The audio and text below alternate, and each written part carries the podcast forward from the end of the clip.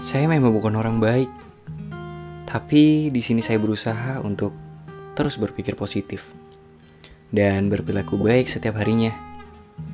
Ada waktunya di mana saya melakukan hal buruk.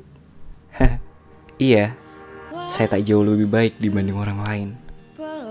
Saya juga bukan orang pintar, tapi segala apa yang telah saya alami membuat saya tersadar bahwa hidup ini adalah pembelajaran. Menyesali apa yang terjadi atas segala keputusan yang telah saya pilih adalah hal bodoh yang tak ingin saya ulangi. Karena itu, perlahan saya telah membuang kata penyesalan dalam kamus hidup saya.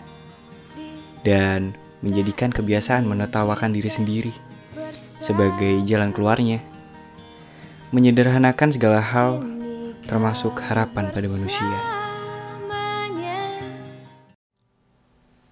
Dipaksa tegar, dipaksa sabar. Hanya karena kesungguhan yang kujadikan modal tak cukup besar untuk dijadikan tempat bersandar. Tiba-tiba aku sendiri tanpa meminta menyendiri. Padahal dunia tahu aku ini manusia biasa. Hati pun tak sekuat baja. Bisa tumbuh dan patah seperti yang lainnya.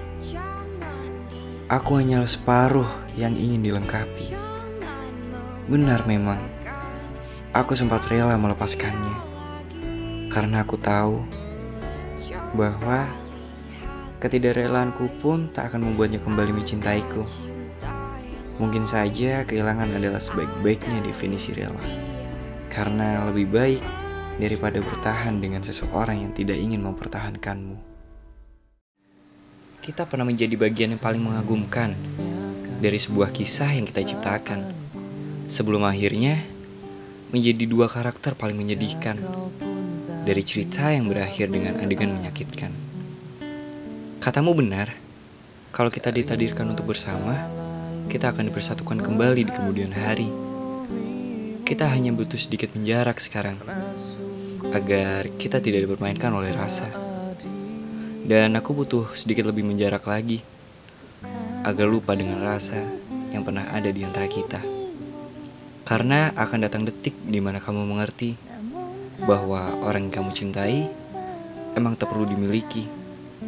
Sejatinya, ia hanya perlu disimpan dalam memori, menjadikannya lebih abadi daripada menemaninya sampai sebelum mati. Tolong yakinkan saja raguku